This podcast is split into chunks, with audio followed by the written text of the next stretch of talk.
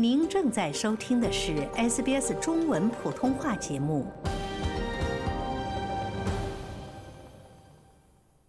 各位听众朋友们，大家好，我是 SBS 记者 Lauren 陈龙。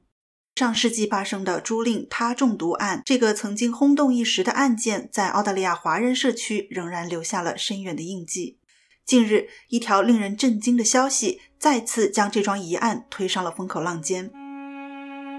十二月二十二日，朱令因病医治无效而离世。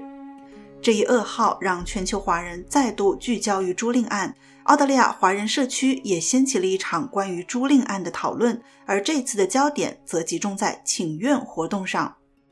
近日，一些澳大利亚华人发起请愿，呼吁议会采取行动，将朱令案的涉案疑犯驱逐出境。然而，澳大利亚移民法专家对此表示怀疑。指出，请愿在法律层面可能并不会产生实质性的影响。来澳二十余年、现居悉尼的 Baxter 王向澳大利亚议会提交了请愿申请。由于目前议会处于假期休会期间，因此仍在等待批复。他表示，请愿的主要诉求是希望议会介入此事，将疑似居住在澳的租赁案疑犯驱逐出境。诉求的话，就是让国会去介入这个事情。去查一查这个孙维他在澳大利亚这些事情，然后再结合在中国这些案子，并不是那面没有没有起诉或者是没有定案，这面就不可以调查。澳大利亚有一个那个移民法上有一个第五零幺条款，扣上这个五零幺条款之后，你的签证就要取消了。嗯，对，把他签证取消了。五零幺条条款不需要中国定罪，涉嫌就已经足够了。嗯，您发起这个请愿的根据是什么呢？为什么会觉得请愿会有用啊？我觉得这应该是是这个公民权利吧。第一是公民权利，第二呢，这也是出于正义，第三呢，也是不要让那么中国那么多人去意难平。您是如何确定您请愿的这个对象里面提到这位孙女士就是涉及朱令一案的孙伟女士呢？这个天下人都知道。为什么会想要发起这个请愿呢？您个人是从什么时候开始关注这一案件的？从二十二十六号吧，二十六号，嗯，二十六号开始的，很血腥的因果报应。我我这个人比较信玄学的，但是呢，这个实在是看不下去了，就在就在咱们这眼皮底下，这你你太可怕了，这个明白吧？我不知道你住哪儿，你假如说你们家邻居那儿，可可可能是这个人，太可怕了，这个。除了王先生的议会请愿之外，在网络请愿平台 Change 上，也有华人于十二月二十八日发布了一份请愿。请愿书中写道：“我们呼吁澳大利亚社会和当局在移民程序中提高警惕，利用测谎仪测试伸张正义，培养责任，解决悬案。”截至发稿，该请愿在不到二十四小时内已经获得了将近五百份签名，但移民法专家却对请愿的结果表示悲观。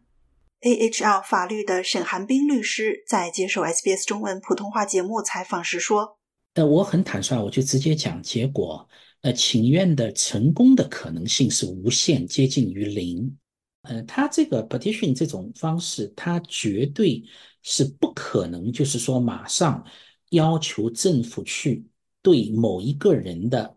基本权利，在这个案件里面，就是呃那个嫌疑犯，对吧？我就用这个嫌疑犯这个词，就是孙孙某，就是对他的居住权利等于说进行剥夺的。就说没有一个东西可以说我今天通过一个动议一个 petition 可以要求澳大利亚政府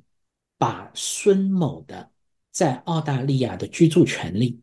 无论他是澳大利亚永久居民还是澳大利亚的公民，把它剥夺掉，这个可能性是零。原因在于这条管道它本身作用就不是这样的。哪怕我们现在讲的再过分一点，哪怕我们现在有非常确凿的证据证明孙某是这个案件的呃主谋也好，唯一的罪犯也好，这里面唯一能够使得孙某丧失澳大利亚居住权利的可能性是，他在移民的时候。他递交了很多虚假的文件，而且虚假文件前面还有前置条件。什么前置条件呢？这个虚假文件必须要跟他获得永久居留的条件是相冲突的。什么意思？比如举个例子啊，比如说澳大利亚规定说，我现在有一批人，你只要是女性，只要年纪比如说五十岁以下，就可以留在澳大利亚。然后呢，他提了很多很多假的东西，比如他的学历是假的，他的名字是假的，呃，他的哪怕他的生日是假的，他只要这个假，跟我前面讲到的女性，跟生日小于五十岁，比如说他明明，比如说真正年龄，比如说是二十三岁，他报出来，比如说是二十七岁，这也是假，对不对？这个假都不能够把他的永久居留取消。他如果已经成为澳大利亚公民的话，这个难度更加难。我处理过太多太多这样的案件了，我可以告诉你，我的当事人有的时候提交的假的证据，讲出来就是我我跟你讲，第一个成语叫罄竹难书，第二个叫令人发指，这里都很难剥夺掉。就哪怕在另一个国家，他有犯罪记录，呃，这一点这一点恰恰是这个案件里面。你刚才讲的这个疑虑是站在我这一方的，等于说辩方的那个呃支就支持我的那个立论的，因为在中华人民共和国境内到今天为止，孙没有被定罪，他没有被定罪，何来犯罪记录？如果我们说任何嫌疑犯，假如我们比如说呃澳大利亚移民法法律如果改掉，这里面还有一个就是追诉问题，因为所有的新法律它没有回溯这个权利。我比如今天通过了，就是说从今以后凡是进入澳大利亚，只要有人怀疑你，你就不能够移民。假如这条法律明天国会通过，我告诉你啊，国会通过一读、二读、三读，起草法律，转众院、参院辩论。一部法律出来，没有个两三年，非常难。即使说我们今天哦，群情群情激愤了，澳大利亚两千三百万人联署，三千万人联署说孙什么必须要离开澳大利亚，马上通过一部法律说，你只要在中国被怀疑有罪，我们就可以定。这里面还有一个叫做回溯率的问题，你定法律只能够从法律颁布以后，法律之前对他无可奈何。所以，这个就是我们现在民主制度，它有好的地方，它有坏的地方。嗯，你这样说起来啊，其实有网传说，为什么澳大利亚的华人会去做这件事情？因为美国的华人之前做过一样的事情，然后起到了效果，这是一个网传的一个说法啊。呃，很坦率说，这个网传是绝对是错误的。以我对英美法的了解，我本身作为英美法的一个呃工作者吧，我本身自己打诉讼官司，我只做诉讼官司，呃，这种情况是不可能发生的。而且我也跟你讲心里话。呃，英美法里面的那个刑法，确实有的时候太太糟糕了，我只能用“糟糕”这个词。它的取的一个原则是什么？叫做宁可错放三千，绝不冤枉一人。这个案件如果今天放在澳大利亚，如果就是这些证据链，我来作为辩护律师的话，我很坦率说。这个案件不需要高手，普通的稍微有一点点基本刑事犯罪知识的律师，这个案件公诉方获胜的可能性都很小。我认为就是请愿发起，呃，在舆论上对他进行谴责，呃，这个我我我个人赞同，但是就是他没有这样的功效，用错了地方，嗯。在这个案件里面，即使我们证明他是有罪的，即使他的犯罪是如此的心狠手辣，作为一个普通人，我对他绝不谅解，我谴责他。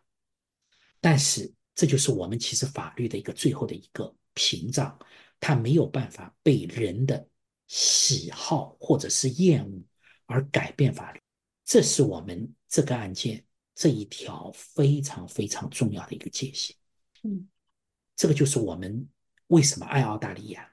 嗯，那您对目前啊都很多感到义愤填膺的澳洲的华人朋友们、华人社区有什么想要说的呢？我只能说，就是我完全理解他们的心情，因为我在看那个就是朱令的那个追悼会的照片，和看朱令的那个就是残疾以后的这个样子，由于服用药物，人整个变形，跟他以前的比对，我忍不住落泪，我忍不住落泪。我也希望能够有这样一个魔法棒，能够把真凶揪出来，能够把这个真凶绳之以法。但是在那个坚持，就是以我以我的专业来看，就是这个制度，目前，它如果不能够因为民众的好恶而改变的话，这恰恰难道不是我们选择澳大利亚作为我们永久居住国家的一个最重要的原因吗？